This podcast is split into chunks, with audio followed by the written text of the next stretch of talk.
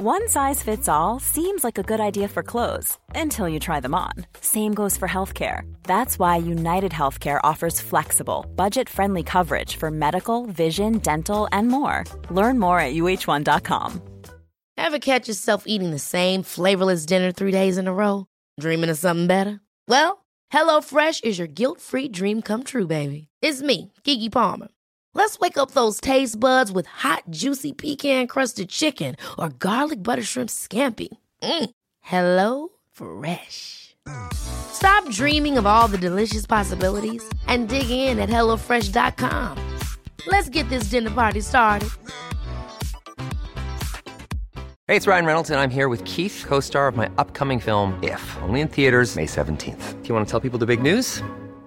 All right, I'll do it. Sign up now and you'll get unlimited for $15 a month in six months of Paramount Plus Essential Plan on us. Mintmobile.com slash switch. Upfront payment of $45 equivalent to $15 per month. Unlimited over 40 gigabytes per month. Face lower speeds. Videos at 480p. Active Mint customers by 531.24 get six months of Paramount Plus Essential Plan. Auto renews after six months. Offer ends May 31st, 2024. Separate Paramount Plus registration required. Terms and conditions apply if rated PG.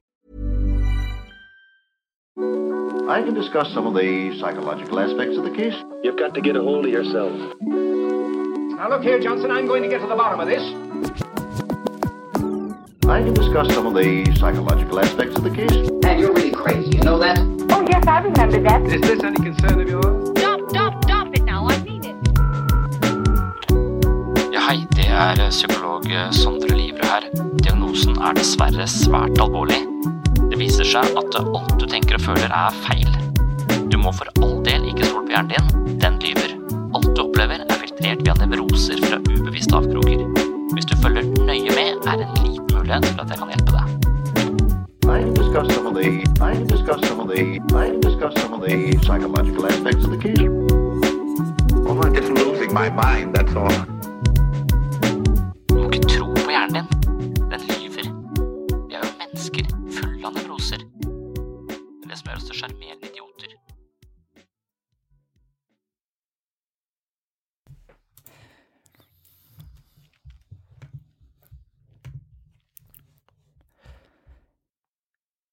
Dagens episode skal handle om kreativitet, mental frihet og mental fleksibilitet. Jeg mener at min innsats på helsestudio, altså der jeg trener muskler og kondisjon, har en overføringsverdi til livet for øvrig. Med sterkere muskler blir det lettere å bære inn ved til peisen om vinteren. Min fysiske styrke er altså ikke en egenskap jeg kun stimulerer og utvikler foran en romaskin i et lokale hvor jeg har betalt meg selv inn, men denne styrken jeg opparbeider meg ved denne romaskinen, kan jeg altså bruke på helt andre områder i livet mitt og helt andre sammenhenger. Dette er selvfølgelig, men er dette selvfølgelige eksempelet overførbart til mentale muskler? Kan jeg trene på å tenke mer kreativt, mer fleksibelt, snu et problem på hodet for å oppdage nye løsninger fra en annen vinkel, og dersom jeg blir mer mentalt fleksibel og kreativ, kan det styrke meg i møte med livets vanskeligheter? Det vil jeg utforske i dagens episode, og mitt neste spørsmål er som følger.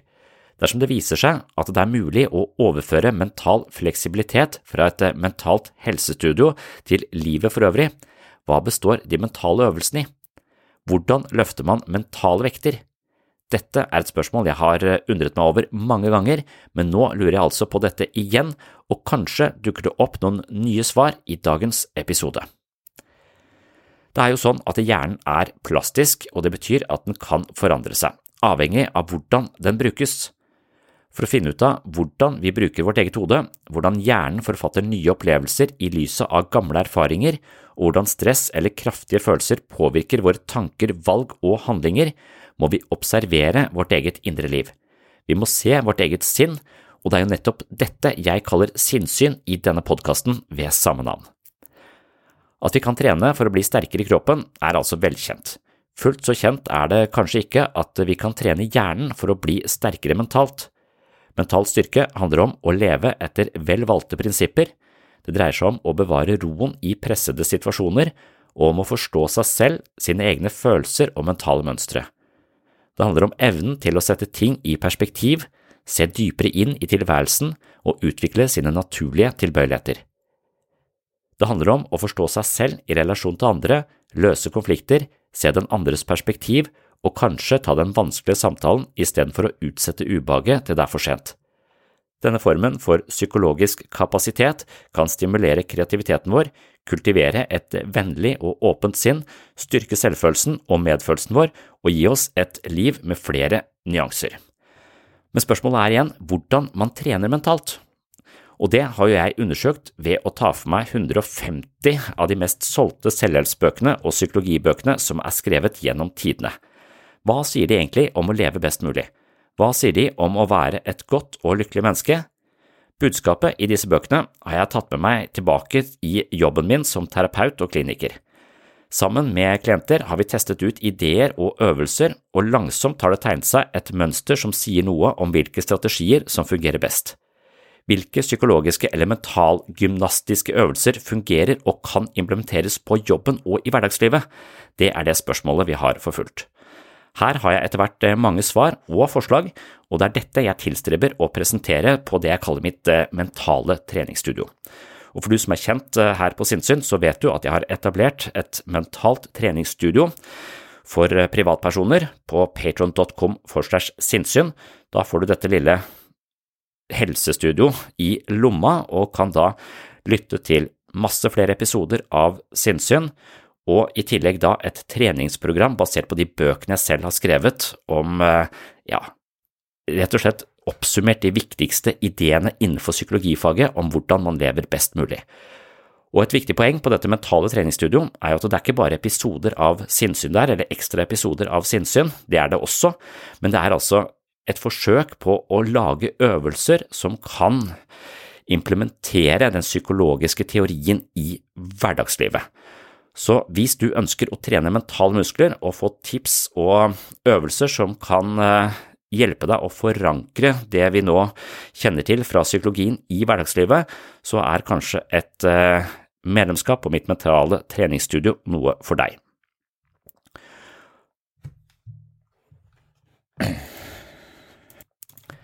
Og når jeg da først er inne på dette i en litt for lang innledning til dagens episode, så vil jeg også informere om at jeg har etablert et bedriftsabonnement på et sånt mentalt treningsstudio.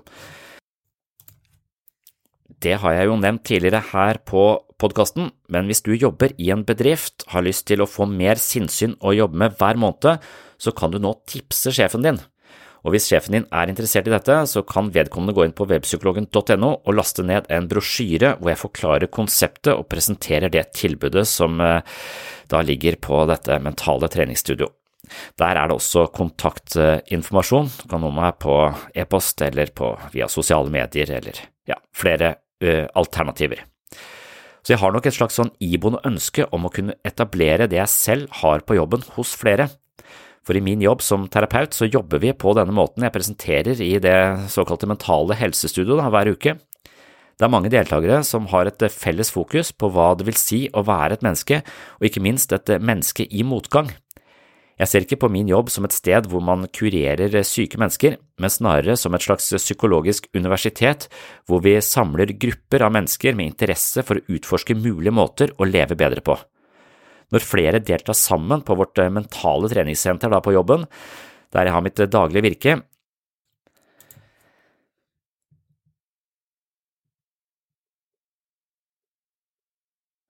kan man utvikle et eh, samhold blant deltakerne med svært positive synergieffekter. Hver uke har vi et nytt fokus, ofte henta fra episoder her på Sinnsyn, og dermed har vi et felles omdreiningspunkt hver uke, og alle spiller inn med nye perspektiver og ideer. Det er eh, egentlig veldig stimulerende, og jeg tror at det nesten er en betingelse å dra i flokk for å få til positiv endring. Jeg sier ofte at det er umulig å bygge en pyramide alene, og jeg tror det er tilsvarende vanskelig å skape mening alene.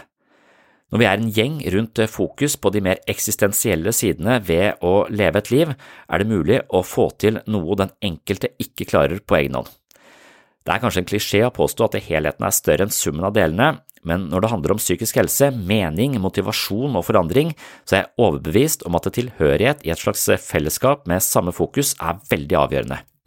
Og med bakgrunn i dette tenker jeg at et medlemskap for bedrifter kanskje kan tilføre arbeidsplassen et interessant fokus på mental helse, i tillegg til spinninggruppa på torsdager osv.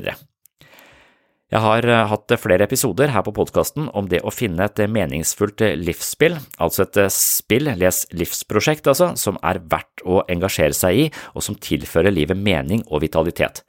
Selv finner jeg dette på jobb, slik jeg har beskrevet eh, her, men har også deltatt eh, i blant annet lesesirkler som leser utfordrende litteratur, som da skaper mer forståelse i dialog rundt den aktuelle boka. Og det å være sammen med mennesker som har lest den samme boka, kan utforske materien, det synes jeg er uh, utrolig givende. Jeg har også dette rundt uh, ulike podkaster selv, altså jeg hører uh, alltid på Very Bad Wizards, og med en gang det kommer til en ny episode, får jeg et pling på telefonen min, hører den ganske umiddelbart eller ved første ledige stund, og så vet jeg at jeg har en kollega på jobb som vi kommer til å møtes ved første anledning for å diskutere hva de har snakket om i eh, månedens episode av Very Bad Wizards. Og det synes jeg er utrolig stimulerende, det gir meg nye ideer, og det gir meg ganske mange sånne aha-opplevelser på hvordan jeg selv forstår meg selv og verden rundt meg. Så for meg så mener jeg vel at eh, denne typen aktiviteter dekker et slags eh, nærmest åndelig behov, eller et eh, fokus som stikker litt dypere enn hverdagslivets kjas og mas. Og mitt håp er at sinnssyn kunne blitt et omdreiningspunkt eller stimulert en slik kultur på en arbeidsplass, og jeg tror at arbeidsplasser som klarer å etablere denne typen litt dypere samtaler, har mye å vinne når det kommer til arbeidstakernes mer eksistensielle og psykiske behov. Det er i alle fall slik jeg ønsker å ja, selge dette abonnementet da, inn til bedrifter på. Også det å ha tilgang til Sinnsyns mentale treningsstudio, hvor det er mye mer enn bare sinnsynepisoder. Det er som jeg sa øvelser, det er også innføring i mindfulness og meditasjonsveiledninger, og jeg leser jo bøkene mine der, som da danner dette treningsprogrammet på dette mentale treningsstudio. Og hvis du da er overbevist om at det kunne være noe for deg, så kan du jo tegne et abonnement på patron.com for segs sinnssyn, men hvis du også ønsker å få med deg noen kollegaer, så kan du gå til sjefen og spørre om det er mulig å etablere et bedriftsabonnement der du jobber. Så det var da en eh, innledning preget av eh, mye reklame for dette treningsstudio, men eh, hvis jeg får flere abonnenter på dette treningsstudioet, så vil jeg også kunne bruke mer ressurser på denne podkasten, så det er en vinn-vinn-situasjon. Jeg har blant annet kjennskap til veldig mange gode mindfulness-folk som jeg ønsker å shanghaie inn til dette prosjektet og denne podkasten, men det krever altså at jeg har en eller annen form for eller har de ressursene som skal til da, for å drifte alt uh, dette her. Så etter en eh, altfor lang innledning så går vi til eh, dagens episode, som altså handler om sosialpsykologisk vektløfting. Kan vi bruke disse ideene og disse litt artige eksperimentene som dukker opp i sosialpsykologien til å lodde dybden i oss selv? Kan de være som en slags stimulerende manualer på dette mentale treningsstudio, som da kan sørge for at vi tenker litt mer kreativt og litt mer fleksibelt fordi vi har skjønt noe om hvordan vi prosesserer informasjon som tidligere ikke var helt klart for oss. Det er håpet i dagens episode, og velkommen skal du være. Det var litt samme tema som sist. Kreativ tenkning. Ikke sikker på i hvilken grad man kan bruke det, eller hvordan det egentlig skal praktiseres, kreativ tenkning. Men det finnes jo masse teknikker. Og Spørsmålet om de, de teknikkene liksom har noen kraft, eller om de kan brukes til noe. Og da bør det jo kunne brukes på den måten at når vi skal trene etterpå, så går vi ned der og løfter oss selv gjerne, eller noen vekter. Og de musklene jeg da eventuelt opparbeider meg der nede, de kan jeg bruke til å løfte ved med et helt annet sted. Så jeg kan bruke de samme musklene som jeg trener opp der, et annet sted. Det samme tenker jeg vel med om mindfulness, at det å meditere handler om å trene opp fokuset mitt og konsentrasjonen min og tilstedeværelsen min og oversikten over meg selv. Når jeg har den evnen, så kan jeg ta med den inn i, i hvilken som helst situasjon, selv om jeg driver praksisen et annet sted. Så spørsmålet om dette med kreativ tenkning også er en, eh, noe vi kan bruke for å ikke havne i de samme gamle situasjonene eller de samme vante mønstrene. Det er han Di Bono da, som har skrevet denne boken om lateral tenkning, som man sier er tenkning i revers. Så det er ingen mennesker som går rundt og Eller det er ingen mennesker som kjører bil bare i revers. Da har du i så fall et eller annet virus på tanken, hvis du bare skal rygge. Men det er jo jævlig kjekt å rygge innimellom for å komme seg ut av blindveier eller eh, når du skal lukeparkere. Så rygging er en, eh, noe vi trenger i en bil. Og det er det han liksom sammenligner da, lateral tenkning med, som han sier. Det å tenke litt uh, annerledes. For vi går liksom mye på autopilot, og vi tenker litt sånn klisjéaktig og stereotypt. Og noen ganger så tenker vi med skylapper på, så vi har bare én tanke vi tror er sann. Vi klarer ikke å koble inn flere perspektiver. Og det er litt det som kjennetegner psykiske plager ofte, at vi blir ganske sånn snevre og ganske sånn destruktive i måten vi tenker på. Og da spørs det om, hvis du da har et lynkurs i kreativ tenkning, eller praktiserer kreativ tenkning hver mandag klokka tolv og trening tirsdag klokka ett. Vil det ha noen effekt? Vil det være en egenskap, vil det være en muskel du kan bruke for å løfte deg selv ut av vanskelige situasjoner? Og da burde det kanskje i så fall finnes et helsestudio for kreativ tenkning, eller øvelser konkret man kan gjøre. Og jeg vet ikke om jeg er sånn veldig imponert over De Bono sine øvelser. Han snakker om analogier som en, en, måte å tenke mer fleksibelt på. Og det tror jeg kanskje er en av de tingene vi bruker mest i gruppeterapi. Da. Analogier.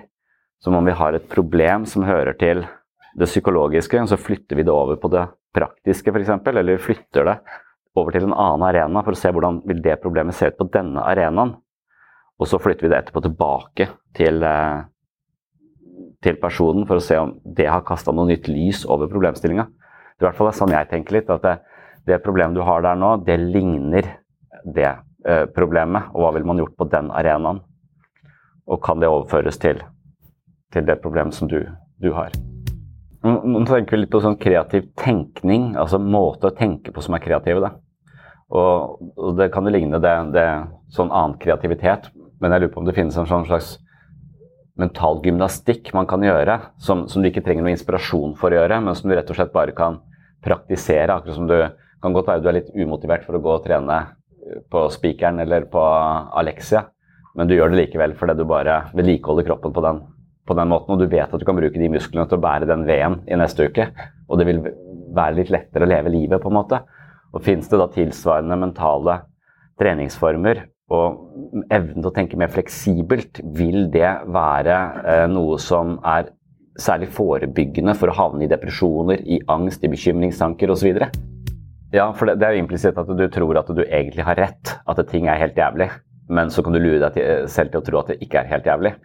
Mens jeg mener jo at alt du tenker og føler er feil. Så når du har et helt jævlig perspektiv, så er det ikke nødvendigvis en sannhet, det. Og det er kanskje det som lurer deg snarere enn en det andre perspektivet du mener utkonkurrerer det negative perspektivet. Da. Det, det er spesielt i forhold til um, det med håpløshet. Altså, det sto en uh, artikkel i psykologisk.no om håpløshet, og det, det er den følelsen som ledsager altså de fleste sånne psykiske uh, problemer.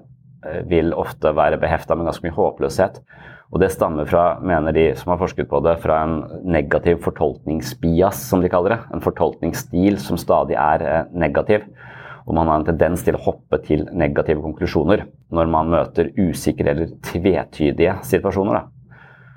Og når du da liksom hele tiden tolker tvetydighet og usikkerhet som noe negativt, så vil det generere håpløshetsfølelse, og håpløshet vil i sin tur generere mer negativitetstenkning og så er du inne i så håpløshet. Det tror jeg også er, også en sånn følelse hvor, hvor, det er mange andre sånne mentale feilslutninger vi gjør. F.eks. at vi har lite tro på vår egen kraft å skape et liv, og må bare håpe på at verden er snille med oss. Det tror jeg, det, eller, eller, at vi skylder på andre ting for vår egen ulykke. på en måte. Det er pga. det, det er pga. det, pga. det. Det er også en måte å, å slippe for den smertefulle følelsen og ta ansvar for det selv. Så legger du det utenfor deg selv, og det er litt befriende der og da men du vil nok få tilbakebetalt i håpløshet. For hvis du ikke er ansvarlig for de tingene, og ikke har kjangs mot denne verden som hele tiden prakker ting på deg, så vil du bare føle mer og mer og mer og mer håpløshet.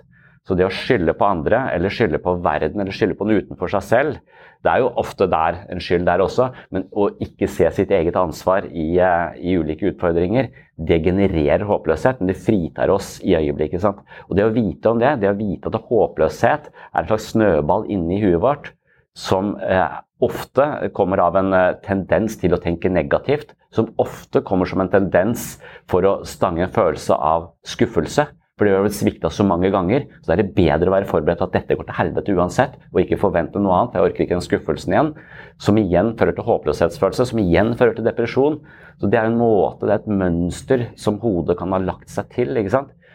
Og det er det jeg lurer litt på, at hvis vi først skal drive med et mentalt treningsstudio, hjelper da dette her? Hjelper det å vite om hvordan hjernen fungerer, sånn at du kan avsløre den på sine standardiserte loops, som har bare ført deg inn i usikkerhet, depresjon, angst eller hva det, hva det, skal være. Eller mangel på vitalitet.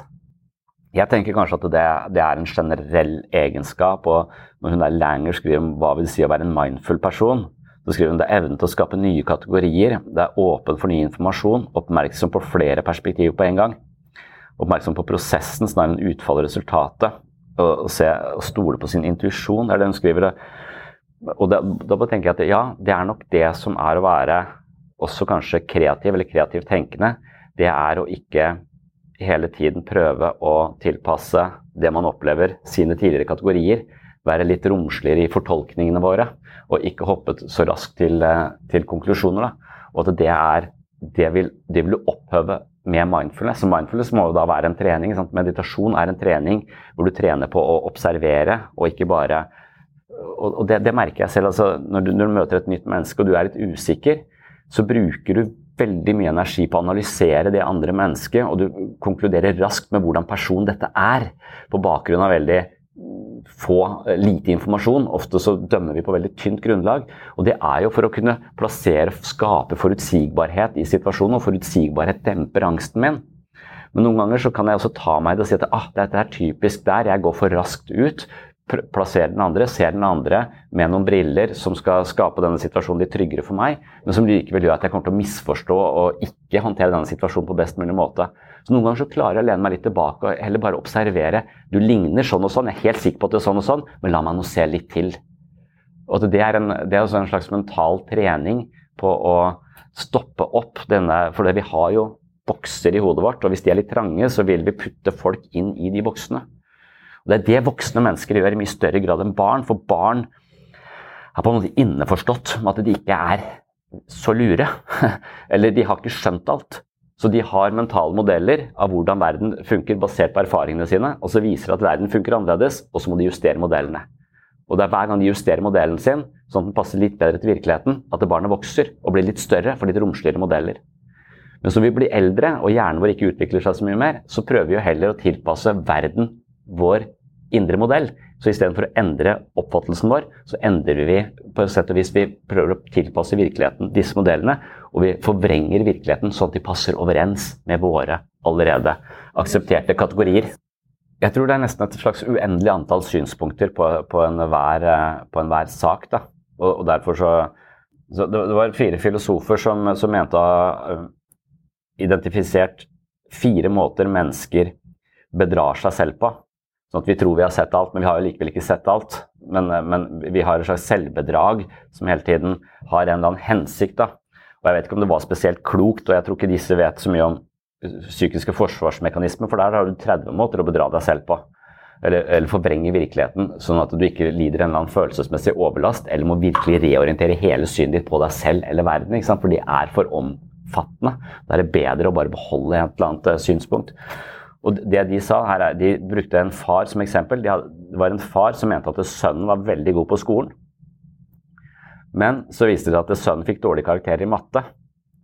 Og da driver denne eh, faren med en form for selvbedrag for å opprettholde ideen sin om at sønnen er veldig flink på, på skolen. Så det, det, han da i første omgang kan gjøre, det er at han eh, kan si at matte ikke er så viktig. Eller han kan si at læreren ikke forklarer stoffet godt nok, derfor forstår ikke sønnen min det. Og det kaller de å omorganisere overbevisninger.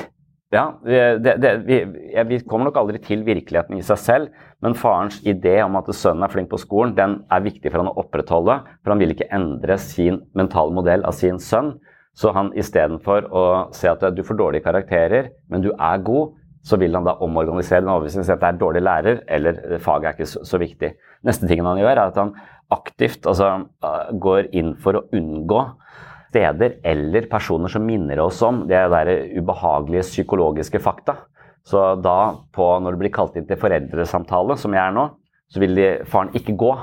Fordi han vil holde seg unna den informasjonen om at sønnen ikke nødvendigvis er god nok. Og på den måten så kan han opprettholde ideen om at sønnen faktisk er veldig god på, uh, på skolen. Så det er en aktiv handling for å unngå å minnes på det.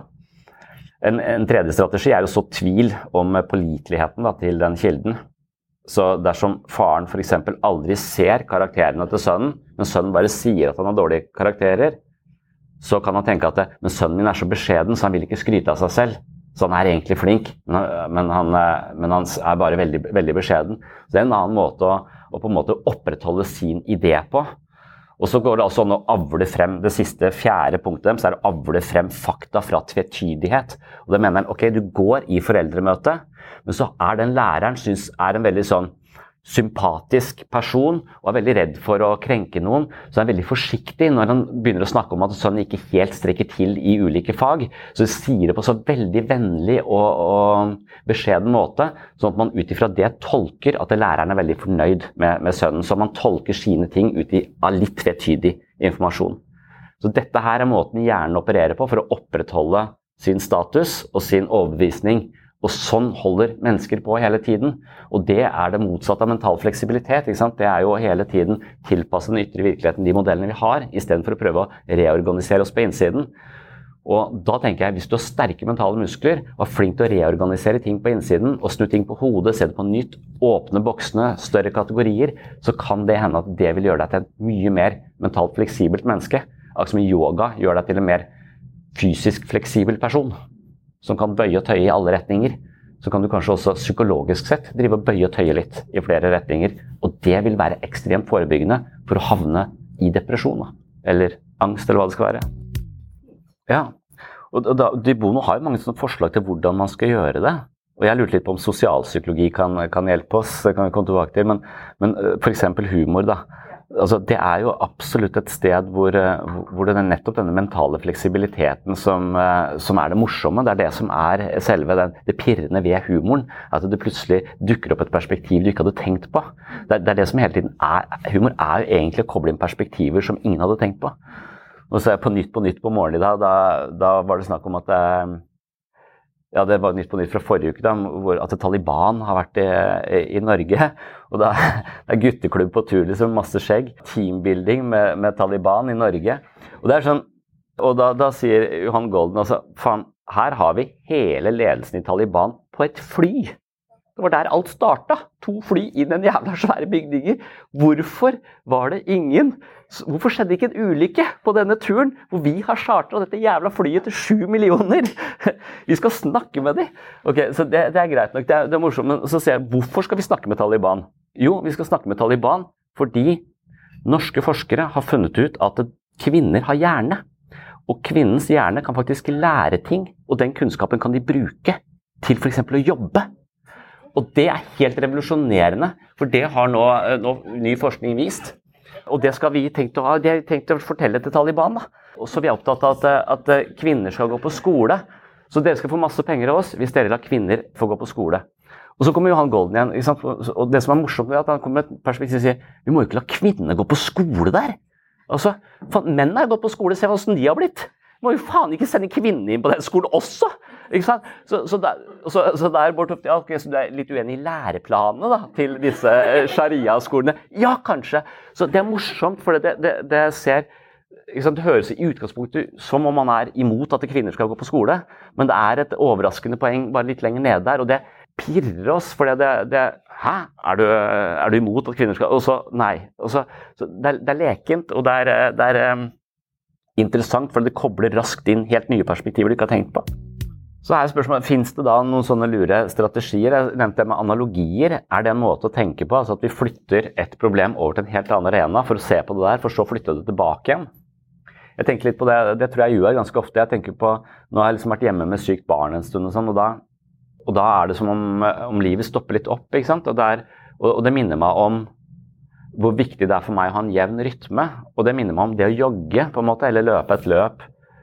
Eh, nå gjør jeg det veldig sjelden, men hvis jeg løper et løp, så er det jævlig viktig for meg altså Jeg skal løpe fem kilometer så fort jeg kan. Da Da kan jeg risikere å begynne for hardt og da får jeg problemer underveis der. Og hvis jeg da stopper opp, så blir det sykt mye verre å komme i gang. Det nesten sånn at det, det, å stoppe opp det gjør meg verre enn å ikke stoppe opp, nesten. Det blir så utrolig tungt å komme, komme i gang igjen. Så denne joggeturen ligner liksom på livet mitt for øvrig. Hvis jeg ikke finner en jevn rytme som jeg kan holde hele tiden, men stopper opp, så, så mister jeg liksom litt, eh, litt fotfeste. Og Dermed så vil jeg tenke sånn at det er så viktig for meg å opprettholde en eller annen form for struktur hver dag. og Vi snakket da tidligere da om hvor sånn, hvis, du er, hvis, du har en jobb, så, så besørger den strukturen. Men hvis du har da fire dager, hvis du jobber 20 og har fire dager du ikke har noen struktur som kommer utenfra, så krever det hvordan skal du finne en jevn rytme her? Altså akkurat som på en joggetur, Du må finne en jevn rytme. Hvis du bare skal gjøre sånne ting, løpe litt nå og løpe litt da, sånn hele sånn sporadisk intervalltrening i hele livet ditt, da tror jeg, jeg tror ikke du får noe ut av det. Jeg tror ikke det har noe effekt. Eller jeg tror det blir en slitsom måte å leve på, hvor du stadig vekk må begynne på nytt og kanskje ikke orker å jogge i det hele tatt. Du blir bare sittende helt uh, passivt. Men å finne en jevn rytme, da gir deg mestring. Det gir liksom en puls i livet hvor du lever. Du er ikke helt apatisk, men du er heller ikke helt utslitt. Så det, det, det er liksom å se et problem på en, Det er analogier som du kan koble ulike ting til hverandre. Jeg tenkte tidligere på depresjonen som en slags opposisjonell kraft. Fordi jeg føler at så mange mennesker her har så innmari mange At de er Taliban i hodet. da. Som, som, vi har snakket om, Det er også en måte å se forholdet mellom et land, et diktatur og et menneske på. At veldig mange mennesker har så strenge krav til seg selv, og så mange burde og skal og burde ha gjort og ikke skulle ha gjort og må gjøre sånn for det andre forventer type motivasjon. Så de er hele tiden en slags slave av hva andre mener jeg burde, burde gjøre. Og da kommer kanskje depresjonen inn som egentlig er en livskraft, selv om den egentlig tar livet av alt. Du blir bare liggende helt flatt. Men den sier du gidder faen ikke å følge alle disse jævla reglene lenger. Så folk hele tiden, eller deg selv, da, bestemmer at du skal gjøre sånn, du skal gjøre sånn, du, skal, du tukter deg selv og sier 'jeg gidder ikke mer'. Fuck you. For det er et fengsel. altså I et fengsel så må du spikre paller, du må opp om morgenen. Og, og, det er litt sånn som noen mennesker har det. Jeg bør det, jeg bør det, jeg bør det. Og så kommer depresjonen inn og sier nei, jeg skal ikke. Og så, og så, men så flater du helt ut, da. Så, så, jeg er misfornøyd med depresjonen. og Jeg tenker ok, kanskje det er en revolusjonær kraft. Den forteller deg noe viktig om mentaliteten din i forhold til, til deg selv. Men den eh, revolusjonære kraften bør også ha en plan på hvordan de skal bygge opp et nytt demokrati. Det er det som er problemet med opposisjonspartiene. De bare klager på det som er. Og når de da kommer i makta, så vet de ikke hva de skal gjøre, for da må de begynne å ta ansvar. Så depresjonen må ikke bare stoppe all aktivitet, det må stå ansvar for å skape aktivitet som da er drifta av din motivasjon, din interesse. Hvis den er en sånn uh, revolusjonær kraft da, som vil deg vel, på en eller annen måte.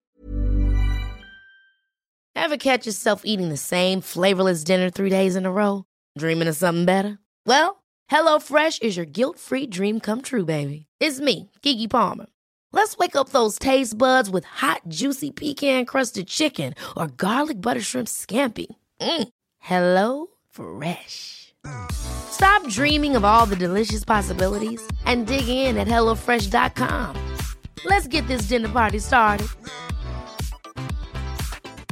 Quality sleep is essential. That's why the Sleep Number Smart Bed is designed for your ever evolving sleep needs. Need a bed that's firmer or softer on either side? Helps you sleep at a comfortable temperature? Sleep Number smart beds let you individualize your comfort so you sleep better together. JD Power ranks Sleep Number number 1 in customer satisfaction with mattresses purchased in-store. And now, save 50% on the Sleep Number limited edition smart bed for a limited time. For JD Power 2023 award information, visit jdpower.com/awards. Only at a Sleep Number store or sleepnumber.com.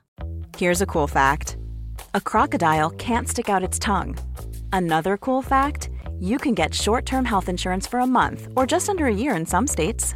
United Healthcare short term insurance plans are designed for people who are between jobs, coming off their parents' plan, or turning a side hustle into a full time gig. Underwritten by Golden Rule Insurance Company, they offer flexible, budget friendly coverage with access to a nationwide network of doctors and hospitals. Get more cool facts about United Healthcare short term plans at uh1.com.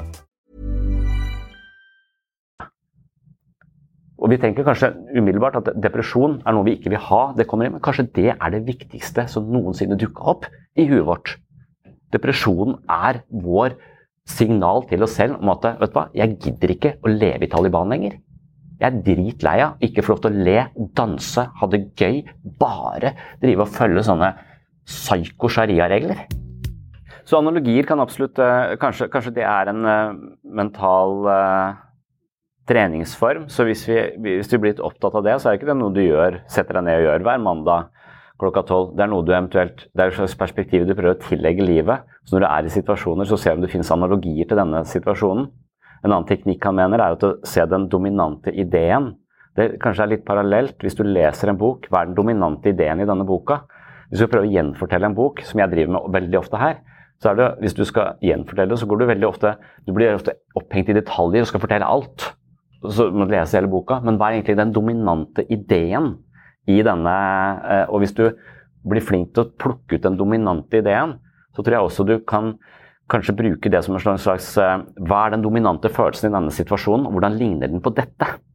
Så du kan overføre og Det er også en sånn slags mental fleksibilitet som er denne reverseringstenkningen, så du kan rygge deg litt selv ut av, eh, av vanskelige, vanskelige situasjoner.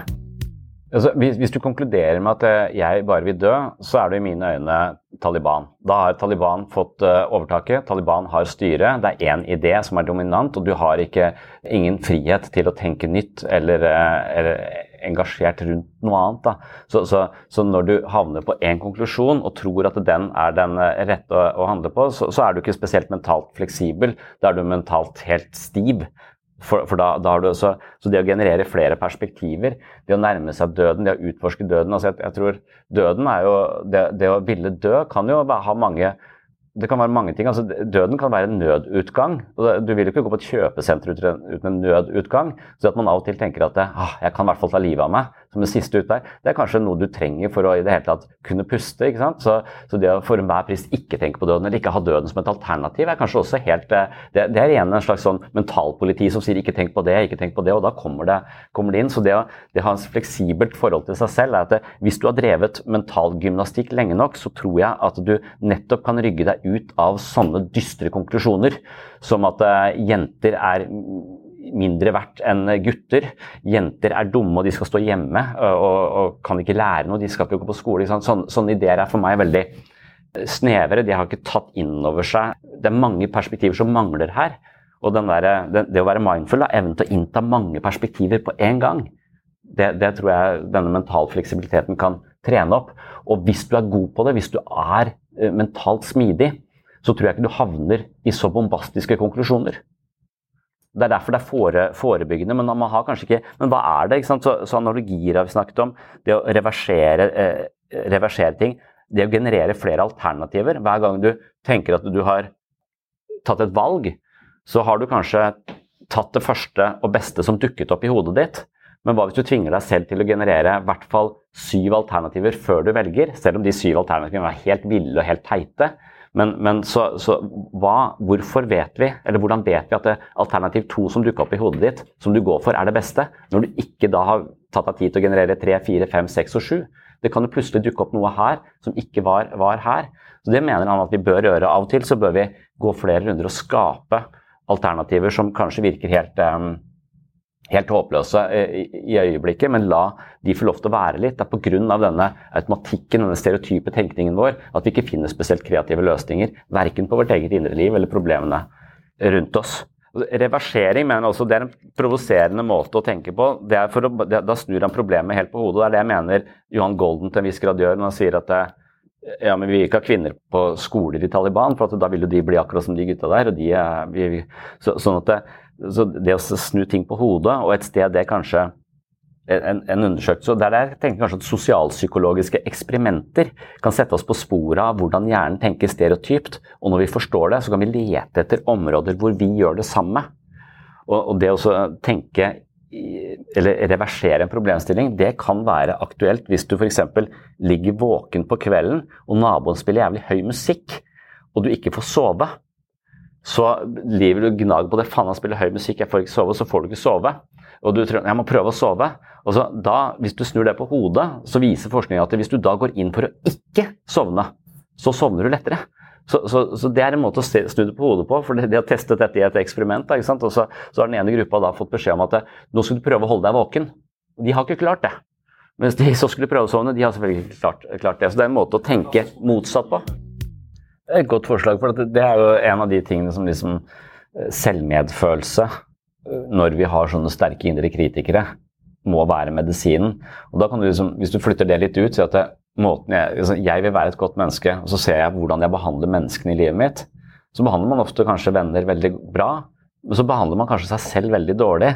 Så det å ha en, det sånn lik standard for alle, inkludert seg selv, og da bedrive en form for selvmedfølelse og aksept av seg selv, det vil jo absolutt være en, en slags mental uh, huskelapp du kan ha inni hodet ditt, hvor du kanskje har en tendens til å drive litt forskjellig og piske deg selv litt hardere enn du, enn, og være litt rausere med andre.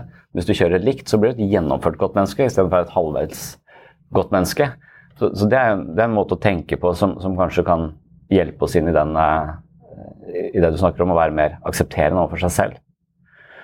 Men jeg tenker også på at jeg, jeg lurer på om jeg har egentlig tatt med meg sånn 20 sosialpsykologiske eksperimenter. For jeg lurer på om det er de sosialpsykologiske eksperimentene som kan fortelle oss at det, å, jeg trodde jeg visste hvorfor. Jeg trodde jeg visste hvorfor jeg absolutt bare ville dø.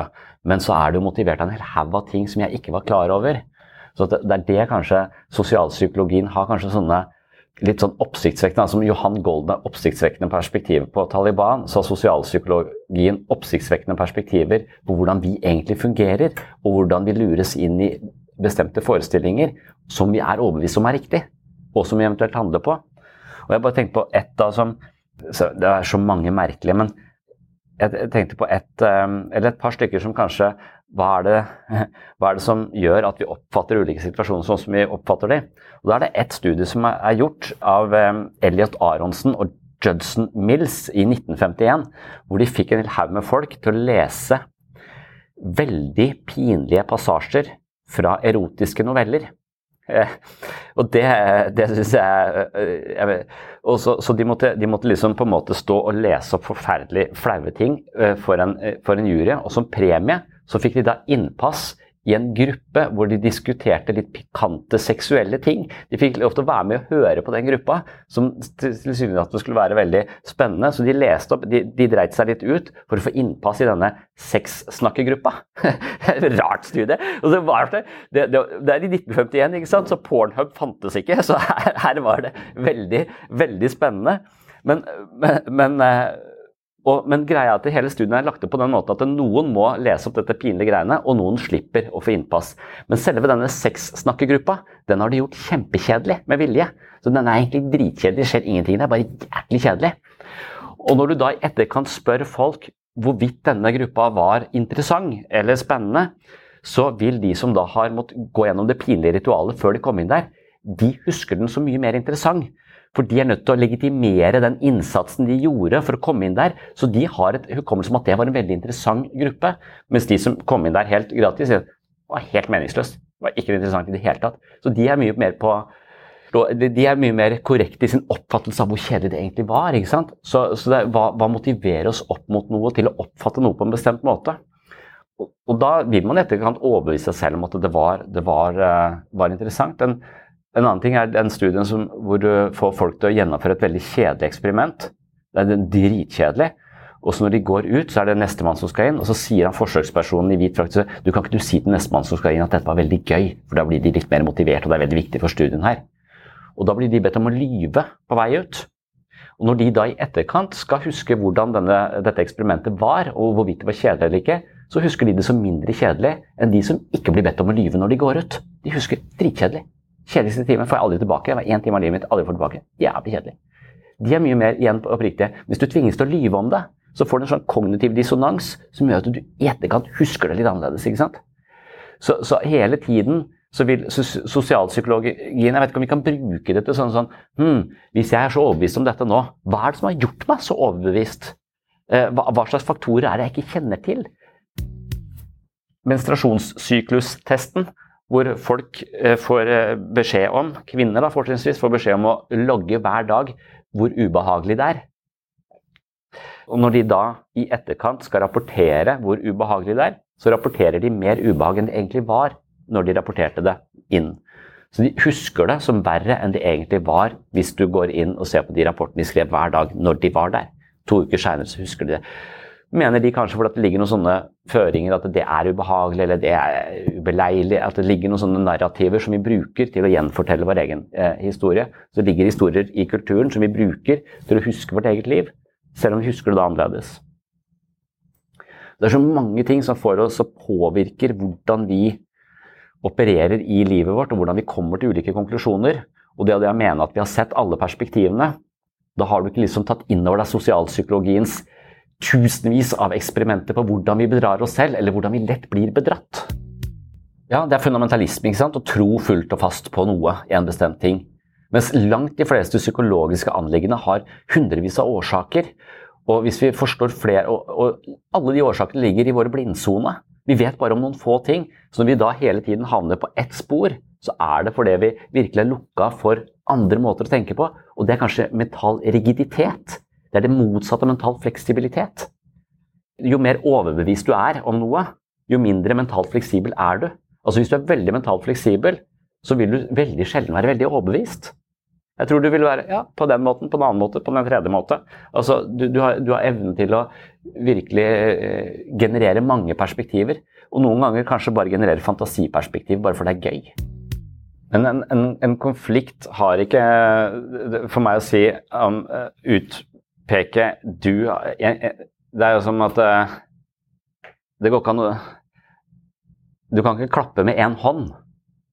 Altså, det må to stykker til for å, for å, få lyd. altså Det må to stykker til for å skape en konflikt. og der Den ene har 100 investeringer i den konflikten, og den andre har 200 andre investeringer i den konflikten. Så, all, så konflikten er ikke, det er ikke du har feil og du har rett. Det, det, det, det fins faktisk ikke noen steder i hele verden hvor det er enten sant eller falskt. Til og med i fysikk så er det ikke sant eller falskt. Ja, men årsaksforhold er sånn da, da, da, er det Du mener at du har rett i at den andre har vært utro. Noe som du, du, bedrar deg selv, for du er så usikker på deg selv, så du forventer at den andre kommer til å svikte deg fordi du føler ikke deg verdig nok for den andres kjærlighet. Det er tusenvis av psykologiske faktorer som får deg til å konkludere eh, på den måten. Og den andre gir et uttrykk for at eh, jeg er bedre enn deg, så jeg kan få hvem jeg vil, jeg, uten at de er klar over at de gjør det. Så de legger opp til at den andre skal føle seg trua, for det handler om maktbalansen i relasjonen. og Da har man liksom på toppen. Man anerkjenner ikke selv at man er en person som vil ha makt over den andre, men det vil man egentlig på et ubevisst nivå. Det har du skjøvet ut, for det orker du ikke ta inn over deg. Milliarder av sånne faktorer. Så hvis ikke du er mentalt fleksibel nok til å undersøke de, eller vågal nok til å undersøke de, så vil du tro at det er én ens feil, eller én en riktig. Men alle sånne typer problemer er kompliserte. Og det er tusenvis av psykologiske faktorer som spiller opp til dem. Og mental fleksibilitet kan kanskje hjelpe oss å rygge ut av sånn Ja, men det er din feil. Nei, dette her er en dynamikk mellom oss som har kulminert i denne anklagen om at du er utro. Og her har vi alle masse investeringer, og vi kan bruke to år på å finne ut av en brøkdel av de. Men det bør vi gjøre, for det er måten å rydde opp, uh, rydde opp i. Hvis ikke så blir det Taliban. Én riktig bok, ett riktig svar, også, men La oss si det er et studie med, med de der sexgruppefolka. da. Altså, poenget er kanskje at det, hva kan vi lære av det? Vi kan lære at det, Hvis vi har gjort en stor investering i noe, så er det jævlig vanskelig å trekke seg. Så man vil heller prøve å tilpasse ja, men det var ikke så ille likevel. Jeg lurer på om det kan overføres til parforhold. Altså at man har gjort en veldig høy investering, og når det ikke har funka, så er det så mye å forlate. Så derfor, akkurat som Regjeringer gjør ofte det. Det, det var eksempel liksom, du, vi skal bygge et kraftverk, og så viser det seg halvveis at det, kraftverket blir dobbelt så dyrt som vi egentlig hadde planlagt, og det kommer ikke til å funke. Så du kommer til å tape penger på produksjon av kraft. Men så av at vi har allerede brukt milliarder av kroner på å komme hit, så stopper vi det ikke. Så vi bare gjennomfører det, så ender opp et kraftverk som vi taper penger på. Litt det samme tror jeg det har skjedd veldig mange ganger i, i politikken. ikke sant? Men det er denne, hvis vi har en veldig høy investering i noe, det er det veldig vanskelig å trekke seg og innse, så vi tror at investeringa vår er, eh, når den er så høy, så må resultatet være så bra, men kanskje resultatet er helt ræva. Og det kan, det kan overføres da til eh, altså Sexgruppa var ikke noe spennende. Men du husker, ja, det var jo veldig gøy å være, eh, være der. og akkurat som den, Kanskje det overføres kanskje den, Hvis vi skal se den dominante ideen her, så er det hvis vi har investert mye i noe, og det likevel ikke funker, så vil vi på en måte forvrenge virkeligheten og tenke at det funka likevel. Som kan jeg tenke ja, men han er jo egentlig ganske snill, han slår meg aldri i helgene. Han slår meg bare i ukedagene. Så det er jo verdt å satse på dette her. Altså, du lager sånne ting fordi investeringa di inn i en relasjon er så høy. ikke sant? Vi vet jo sånne ting som at ting som kommer lett til oss, tar vi ofte for gitt. Og, og hvis vi selv oppfører oss eh, selvutslettende, så blir vi tatt for gitt. Så Det er også sånne tanke, eller sånne, sånne huskelapper vi kanskje burde ha. Men jeg lurer på om, hvordan bruker du det som verktøy til å orientere deg selv i livet? Da må du kanskje ha historier, du må ha noen sånne analogier. Du må ha liksom evnen til å se forholdet mellom eh, uhjelp og min selvutslettende måte å være på. Klarer, da, da, da driver du med å putte det rundt på ulike arenaer. og det, det, det jeg, det, er det som er mental fleksibilitet. Å klare det å se de, de uh, sammenhengene. Og da, da, da, kan det være at sosialpsykologien liksom har noen sånne litt sånn ah, oppsiktsvekkende perspektiver, akkurat som Johan Golden har det, som, som sitter litt. da. Og Derfor så, så kan det være det, det vi trenger i den derre det er det som er mentaltrening. da, Å komme på sånne uh, sammenhenger. Og så kanskje da basert på hva, hva, slags eksperimenter er gjort. Og, og, en annen ting som jeg tenkte på, den der, Husker du de teologistudentene som uh, ble bedt om å holde en forelesning på fakultetet ved siden av, så de måtte over gårdsplassen på en måte og inn i det andre fakultetet. Og så fikk den ene gruppa beskjed om at dere er litt for seint ute, så dere må forte dere.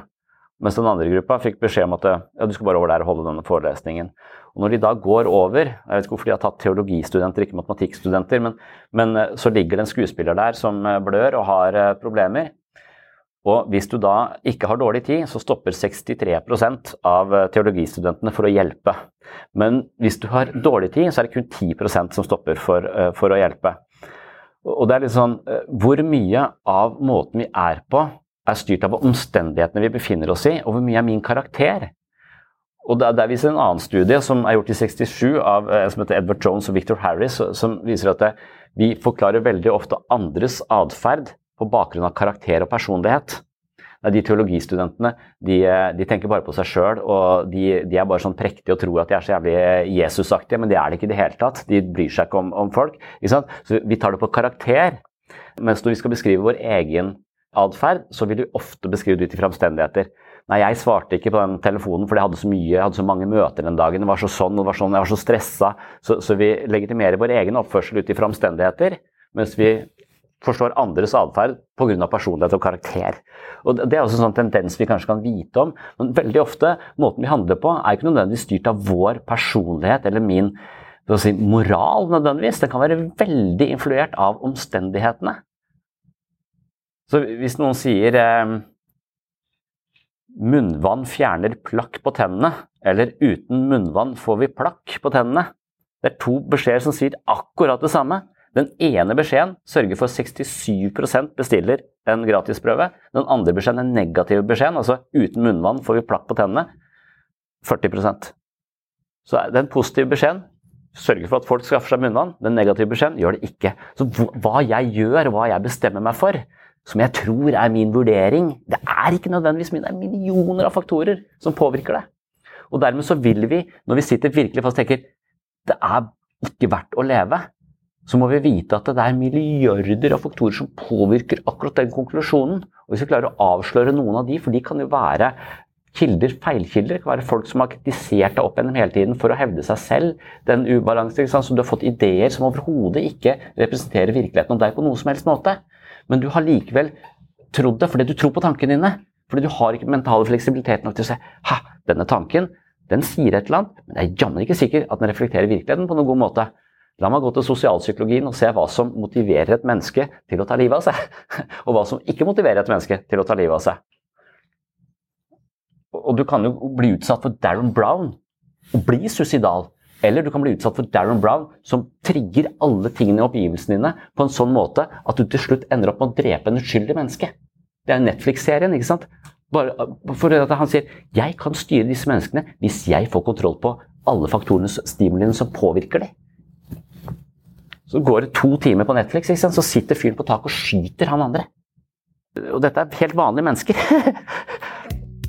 Ja, for det, det, det, det, er derfor dette kommer i forlengelse av forrige gang, hvor vi nesten definerte kreativitet som psykisk frihet og fleksibilitet og god psykisk helse. Altså det motsatte er å være rett og slett fanga i sitt eget indre fengsel eller diktatur. Så, og, og hver, hvert feiltrinn er forbundet med frykt og faenskap og redsel om du må tilbake og være sånn og sånt. Du, blir, du ikke klarer å bevege deg i det hele tatt, du bare sitter og er redd for livet, liksom. Så, så kreativiteten dukker jo opp på en eller annen måte i, i overskudd her. Derfor så, så, er det et slags, kanskje et overskuddsfenomen. Men spørsmålet er hvis det handler om fleksibilitet i tenkning, går det an, selv om du er redd, å gå på et tenkningshelsestudio? Altså hvor, hvor, du bare rett og slett begynner å tenke annerledes om ting, begynner å se på alt dette de sier om motivasjonen, hvordan jeg ble lurt til å kjøpe en bil, jeg, hva, hva, som er alle drivkreftene bak alt dette her. At du lærer å snu ting på hodet, lærer å se analogier. Altså, du, altså du, du, at det, den derre faktiske tenkningen ikke nødvendigvis må komme etterfølgende av at du har dempet frykten og er mer nysgjerrig til stede i livet ditt og har fått felt noen av diktatorene. Men at det er kanskje den altså, For det, det kan jo være at det er like vanskelig å være kreativ og mentalt fleksibel som det er å være Gandhi eller Martin Luther King. Liksom at du bor i et, et, samfunn, et diktatur, som har overbevist deg om at dette er hele verden, sånn er det. Og så er det en eller annen Eller bryte ut av en menighet som er altfor streng. Det er en sekt. ikke sant? Altså, men faen, alle disse sier sånn, men er det noe sikkert at eh, vi kommer opp på den der planeten her hvis alle tar livet av seg og drikker den gifta akkurat nå? Jeg er litt usikker, jeg. Altså, altså, Den ideen der sånn, når alle andre gjør det, den er dritvanskelig. For det viser jo også den forskningen at eh, hvis du sitter i denne, dette, dette, rommet, og det er to streker, én er lang og én er kort, og du ser du, hvilken er lang, den hvis du er aleine, hvis du kommer inn i en gruppe med skuespillere og sier den korte er lengst, så endrer du svaret ditt. Ikke sant? Det, er, det, å komme seg ut og være mentalt fleksibel er like vanskelig som å styrte et diktatur. Og, det, og da skal du stå alene mot hele den forbanna indre hæren av negative tanker, som er 50 000. Det er, en, det er en flokk på 50 000 tanker i døgnet, hvorav én kanskje er positiv, mens fem er negative. Én av fem er positive, sier man. Uh, ofte, og Hvis man var psykisk plaget, så kanskje enda mindre. Kanskje én av ti er positive. Så, da har du, så La oss si du har 40 000 tanker hele tiden, som er den hæren du skal stå opp mot for å frigjøre dette, dette indre livet ditt. Og da blir du kreativ. Men da kan det være at du må trene mental kreativitet i skjul. Så du er liksom sånne skjulte ninjaen som plutselig dukker opp og har det superkrefter. For jeg er klart å tenke i revers nå, så jeg kan bare styrte dette ja, eller i hvert fall syns det var litt gøy da, med sånne historier som sier 'Å, faen', å faen. Og så, og så våkne opp litt eh, Var det derfor jeg kjøpte den bilen, ja? Ah, trodde jeg hadde lyst på den, jeg. Brukte 300 000 mer enn date. det, og det, det, er, det, er, synd å se at det, noen menneskers indre svart-hvitt-tenkning, som er det vi gjør for å for at verden skal bli enklere for oss. Det er mye enklere å forholde seg til hvis det er rett eller galt, svart eller hvitt. Og for da, det, det, det forenkler alt så veldig. Men det gjør også at vi må leve med ganske mange vrangforestillinger om hvordan ting er, for vi må tilpasse det. Det er helt galt. Men så er det kanskje ikke helt galt. Pappa var på en måte kanskje altfor brå, men han ville meg også vel. Han, han, har tusen ting ved han, og han har sin bagasje. Alle de nyansene som blir borte Nei, men han var ond. Jeg hater den. Altså, det, er så, det er lett. Men når ett menneskes indre liv får lov til å utspille seg i en hel kultur som blir fanga av det samme indre dramaet, så vil det indre livet plutselig manifestere seg i rett og slett hele befolkningen. Så hele befolkningen blir svart-hvitt-tenkende. Det, det, det, det, er det er forferdelig. Ja, analogier betyr at vi, vi tar og ser at noe ligner på, på noe annet. Så, så, vi flytter på en måte Man kan ofte bruke det i psykisk helse fordi at man kan eh, snakke om en problematikk. Den kan bli mer ufarlig hvis vi tar den samme problematikken over på en helt annen arena. Så den helt eh, samme dynamikken og problematikken og følelsen tar vi over på en helt annen, et helt annet eh, format. For så kan vi leke litt med det der, for så å ta det tilbake til der det gjør mer vondt, psykologisk eh, sett. Sånn at vi, vi, vi, løfter det liksom litt ut av, av, av, kontekst for å kunne håndtere det. Altså det er kanskje lettere å snakke om, om drømmer, fordi vi vet at drømmen er en drøm. Så alt det som dukket opp i drømmen av drømmer, er analogier.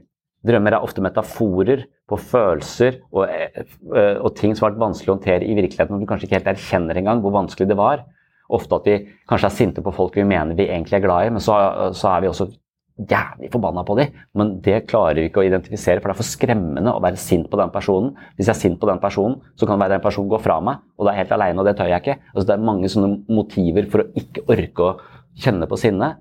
Men så, så vil drømmen komme opp med en analogi, en, en situasjon hvor du føler du blir angrepet, men slår tilbake. Eller, eller, du er i krig. Eller, Den vil vise deg en eller annen forvrengt versjon av dette. Men det, følelsen er den samme. Så, så, det er også en måte å, å, tenke om sine egne problemer på, at du løfter det helt ut av kontekst og ser det et annet sted. Ja, er, du, kan bruke, du, kan si det er metaforer eller analogier, så, så, du løfter det ut og ser på En, en analogi som er brukt her mye, er den derre hvis hvis du, bestemmer deg Eller hvis du kommer en fyr hjem til deg og sier at du skal løpe et maraton på under fire timer, hvis ikke så skyter jeg familien din. Da blir du veldig motivert til å løpe det maratonet. Mens eh, hvis du isteden bestemmer deg for jeg har lyst til å bli bedre form, jeg har lyst til å begynne å jogge, og så melder jeg meg inn i en løpegruppe, og så skal vi løpe det maratonet. Når du da kommer i mål på under fire timer, så er du letta hvis du har en fyr med, med pistol som står og sikter på barna dine.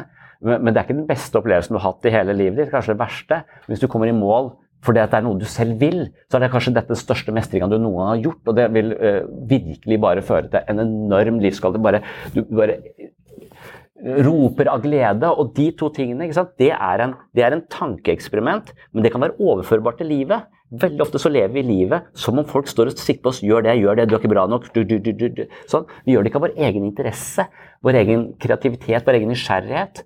Så hele det eksempelet med å bli skutt hvis ikke du løper fort nok, er egentlig kanskje en parallell til måten veldig mange eller holdningen, mentaliteten veldig mange har til jobb, f.eks.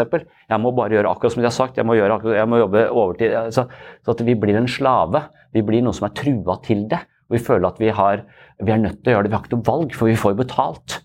Det er litt det samme som når en står med pistol på barnet som jeg skyter hvis ikke du gjør akkurat sånn som jeg sier. Og så fuck you, jeg vil gjøre dette her, og jeg har lyst til å jogge. Da, da, får, du, en lystig uh, variant av det. Så det er en analogi. ikke sant? Vi løfter en type passivitet og sånn offermentalitet over på en helt annen arena for å synliggjøre den, tydeliggjøre den. Sånn tror jeg vi kan høre på drømmer, og sånn tror jeg vi også, hvis vi klarer å finne sånne paralleller, så klarer vi også å se ting ja faen, det er egentlig det jeg driver med. Jeg oppfører meg som om noen holder på å skyte barna mine. Og Det er derfor jeg bare pisker meg selv, nærmest råtner på rot her, ved å bare drive og oppføre meg som en soldat og bare gjøre mine plikter til jeg dauer eller blir utbrent. Så kommer jeg til St. Peter og så sier han, jeg har gjort alt du skal. Jeg har gjort absolutt alt jeg skal. Nå håper jeg det er en stor premie. Det er avlyst, det er greiene med sant? Så faen, nå har jeg brukt hele livet mitt på å, å være ikke sant? Så, så, det kan jo også være en analogi. ikke sant? Hva sier du til St. Peter? Og St. Peter sier du, det er fullt her. Vi har slutta med det der, med det der paradisgreiene. Eh, så alt det du har gjort, var egentlig bortkasta. Du burde ha kost deg litt mer, du. Eh, men nå er det for seint. Det var det jeg hadde for denne gang om eh, sosialpsykologisk eh, vektløfting. Alle disse rare eksperimentene som kanskje kan anspore oss til å tenke litt mer på hvordan vi selv prosesserer informasjon, og hvordan hjernen da eh, genererer ulike oppfattelser og opplevelsene vi har av livet vårt. Så håpet mitt er jo at innsikt i disse psykologiske mekanismene, det jeg kaller sinnssyn, kan stimulere den delen av hjernen som eh, fungerer litt mer sånn observerende og undersøkende, og eventuelt kan eh, korrigere for eh, ulike feilskjær som dukker opp i denne automatikken som skjer inni huet vårt. Og den skjer jo hele tiden. Og som nevnt, hvis du ønsker å ha øvelser som forankrer denne teorien her litt mer i hverdagslivet, så har jeg blant annet laget en helt egen øvelse som heter Øvelse 32 inne på mitt mentale treningsstudio. Ja, jeg har vel kalt øvelsen mental styrketrening med sosialpsykologiske vekter, og jeg har gått mer inn på en rekke av disse sosialpsykologiske eksperimentene, som er ganske merkverdige ofte, og sett på er det mulig å bruke dette her, eller så kan vi bruke denne ideen om analogier, da, kan vi, kan vi se om det vi finner ut i dette sosialpsykologiske eksperimentet kan overføres til situasjoner vi har i vårt eget liv. Så hvis vi forstår den dominante ideen i dette hva skal man si, denne, dette eksperimentet. Det er litt sånn som jeg holder på med bøker. altså hvis du, skal, hvis du leser en bok og prøver å finne hva er det denne boka forteller, hva er den dominante ideen i denne boka, så kan du løfte den ideen ut, og så kan du se om den ideen kan brukes på andre områder. Så hvis vi kan forstå, eller være litt nysgjerrig på disse eksperimentene, så kan vi se det er dette, eh, dette aspektet ved mennesket de ønsker å rette fokus på, og det aspektet det utspiller seg i mitt liv, men på en litt annen måte. Det er en måte å utvide perspektivene sine på og tenke mentalt kreativt og kanskje da bli mer mentalt fleksibel. Og Hvis du vil ha dette her mer ryddig inn i en konkret øvelse, så kan du altså gå til patron.com for segs sinnssyn og tegne et abonnement på mitt mentale treningsstudio og lete opp episode eller øvelse 32, som da heter Mental styrketrening med sosialpsykologiske vekter. Inne på Patron finner du masse ekstra materiale her fra podkasten, ekstra episoder, men også meditasjonsveiledning, innføring i mindfulness og et treningsprogram for å styrke mentale muskler. Det har jeg snakka mye om, det vet du som hører på sinnssyn, men eh, det som er litt nytt, kanskje ikke nytt når du hører dette, for da kan det være jeg mast om det gang på gang her på podkasten, men jeg har nå på trappene et eh, bedriftsabonnement til dette mentale treningssenteret. Og håpet mitt er jo at eh, hvis du får med deg noen kollegaer til å løfte denne typen tanker i lunsjen, ikke fordi at dere må det for å bli så mye mentalt sterkere, men fordi at det kanskje kan være spennende og interessant for flere, så tror jeg at det kan ha en ganske positiv Eh, effekt, og kanskje en forebyggende effekt på psykiske plager. For hvis det er sånn at det å tenke litt mer fleksibelt og kreativt kan løfte oss ut av vanskelige livssituasjoner, så vil den typen fokus kanskje være som å løpe seg en tur på tredemølla, men nå gjør vi det altså mentalt isteden.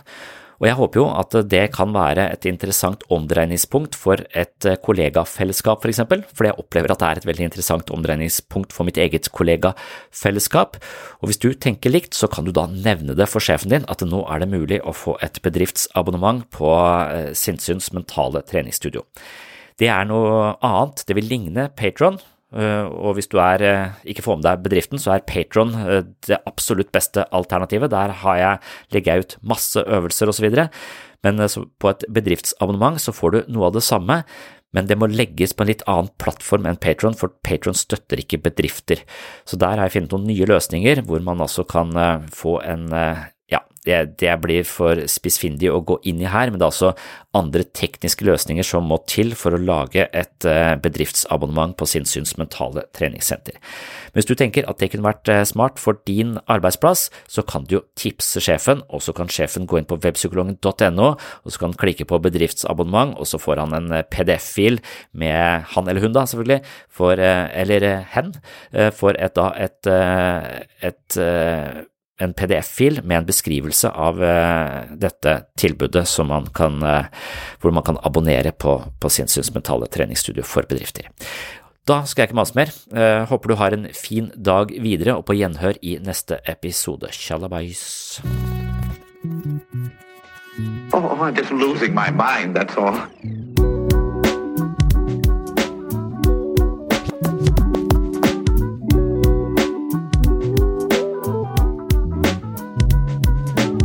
I can discuss some of the I can discuss some of the I can discuss some of the psychological aspects of the case. Psycho, psycho, psychological aspects